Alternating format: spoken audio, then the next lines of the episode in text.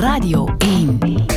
Sportza. We hebben al veel over sport gepraat. En dan ging het over handbal, over tennis, over schaatsen. Voetbal zat achteraan in het rijtje. Nochtans, het was een bewogen weekend. Peter van den Bemt, goedemorgen. Goedemorgen. Met een paar conclusies. Hè. Club Brugge kan geen wedstrijden meer winnen. Veruit de betere ploeg tegen Anderlecht, maar toch een gelijkspel. Leg ons dat eens uit.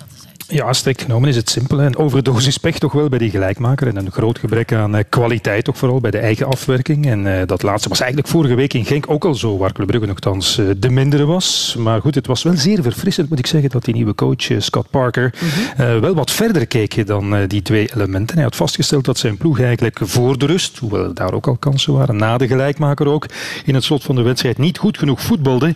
En hij had een mentaal probleem vastgesteld bij Club Brugge. De druk van de verwachtingen, van het morrende publiek.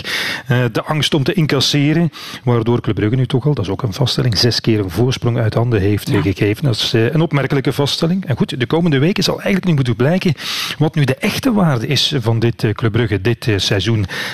de stap naar de betere Europese subtop, die leek gezet met die historische Champions League kwalificatie. Maar goed, misschien zijn we toch net iets te snel voorbij gegaan aan, aan de factor geluk die daar heeft gespeeld in mm. veel wedstrijden. De hyperefficiëntie die Club Brugge daar had, pakte altijd zijn momenten. Natuurlijk die allesbepalende rol van Simon Mignolet in dat uh, succes. Want als je naar die wedstrijden kijkt, Club had veel van die wedstrijden ook kunnen verliezen. Want toen die dingen wegvielen tegen Porto was het ineens 0-4. Net zoals het veel van die matchen van de voorbije weken tegen Anderlecht, tegen Antwerpen, tegen Leuven ook gemakkelijk had kunnen winnen. En dus de realiteit is nu wel ja, vijf overwinningen of vijf wedstrijden zonder overwinning. 17 punten achter al op uh, Genk, 10 op uh, Union. Toch de ploeg van de week zal ik maar even tussendoor zetten. zeggen. En het laagste puntaantal eh, na 20 matchen in 10 jaar eruit in de beker. Ja, voor een club die budgetair zo'n ja. grote voorsprong heeft op de concurrentie, is dat toch slecht gewerkt, lijkt mij. Eén puntje moment. voor Brugge, hè? maar dus ook eentje voor Anderlecht. En daar ging het de voorbije week niet over voetbal. Zal dat ene puntje helpen om Anderlecht op het juiste spoor te zetten? Maar dat weet ik niet. Het is in elk geval beter dan aan het eind van zo'n week met 4-0 te verliezen. Wat ook had gekund en wat een juistere weergave was mm -hmm. geweest van, van de verhoudingen gisteren. En, uh, want ook al begon en eindigde Anderlecht wel goed en met lef vond ik. Alles daartussen was ronduit dramatisch. In balbezit uh, eens over de middenlijn ontstellend uh, zwak. Niet één poging op doelen, zoals iedereen heeft kunnen vaststellen. En, en de voorbije jaren was dat klassenverschil tussen Club Brugge en Anderlecht er ook al wel. Maar Anderlecht speelde onder compagnie wel altijd goede wedstrijden tegen Club Brugge. Ik denk zo kansloos dat moet geleden zijn van, van die eerste, toen Compagnie hoofdcoach was, twee seizoenen geleden, 3-0 was het toen.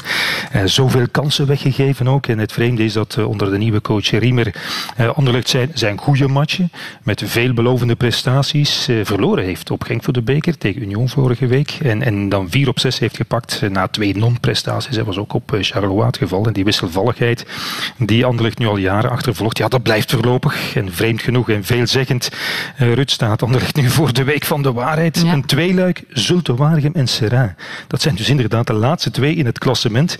En twee keer winnen is absoluut nodig om toch ja, het vizier dan misschien definitief op uh, de strijd om play-off 2 uh, te kunnen richten en niet uh, in de buurt van de degradatieplaatsen te blijven. Maar goed, ja. wie Zulte Waregem bezig heeft gezien in Genk weet dat dat niet evident zal zijn voor dit Anderlecht op dit moment. Ja, met aan de top nog altijd wat gerommel. Hè? Want Wouter van den Houten die sloeg mea culpa. Zette een, zullen we dat een een halve stap of een schijnstap opzij zetten. De fans gaven in eerste instantie aan dat dat onvoldoende is. Blijven ze ontslag eisen? Hoe loopt dit af?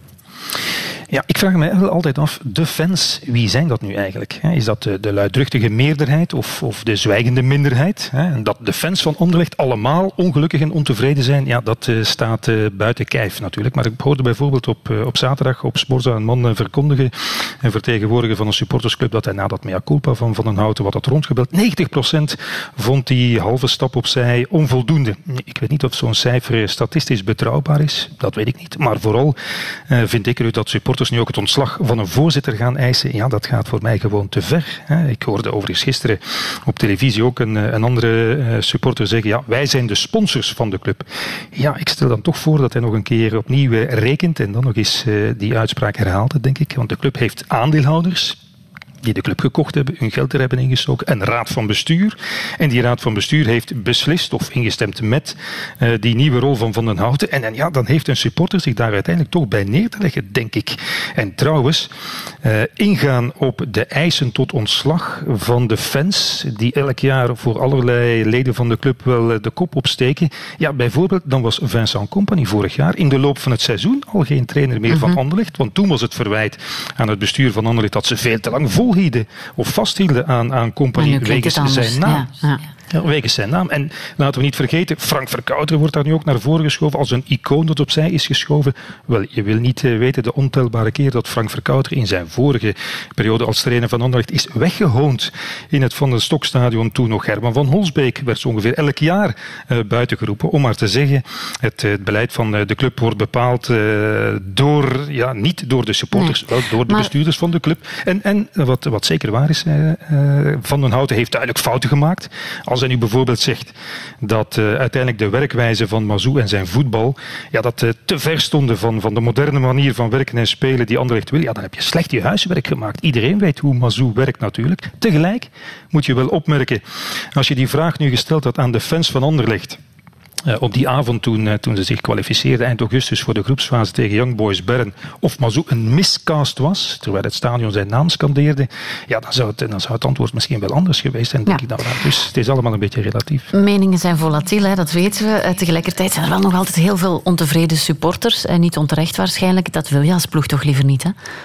Nee, en het was echt wel nodig, vind ik, uh, dat er een signaal kwam van de club. Hè, met, met die uh, stap opzij die Wouter van den Houten nu heeft gezegd. Het, het, mea culpa dat hij heeft geslagen. En vooral, en daar hebben de supporters wel gelijk in, vind ik allemaal, uh, zou het goed zijn dat Van den Houten buiten de schijnwerpers het gesprek aangaat, zoals hij heeft aangekondigd met, met de fans, als die nog willen luisteren natuurlijk. Want ze hebben inderdaad wel recht op meer gedetailleerde uitleg over waar men met deze club naartoe wil. En tegelijkertijd moeten ze erbij ook wel rekening houden, denk ik, dat, en dat wordt ook wat te snel aan voorbij gegaan dat, ja, pak wel een jaar geleden, Anderlecht stond op de rand van het faillissement. Het is toch mm -hmm. deze weggehoonde voorzitter die een financieel herstelplan heeft uitgewerkt, zelf geld heeft ingebracht, geld heeft aangehaald, waardoor de club is, is gered. Maar goed, om op je initiële vraag te antwoorden, hoe het dan afloopt, dat valt niet te voorspellen. En zolang er binnen de club, en dat is ook een probleem bij Anderlecht, nog altijd mensen zijn die liever willen dat dit project mislukt, uit zijn op ja, afrekeningen, uit ontevredenheid, ja, dan zal de rust enkel kunnen weer met een uh, volgehouden sprekende resultaten. En zoals ik daar straks heb gezegd, op basis van de prestatie bijvoorbeeld gisteren, mm. uh, zijn die op korte termijn niet gegarandeerd, vrees ik. Cruciale week. Dankjewel, Peter van den Bent. Sportza. Sportza.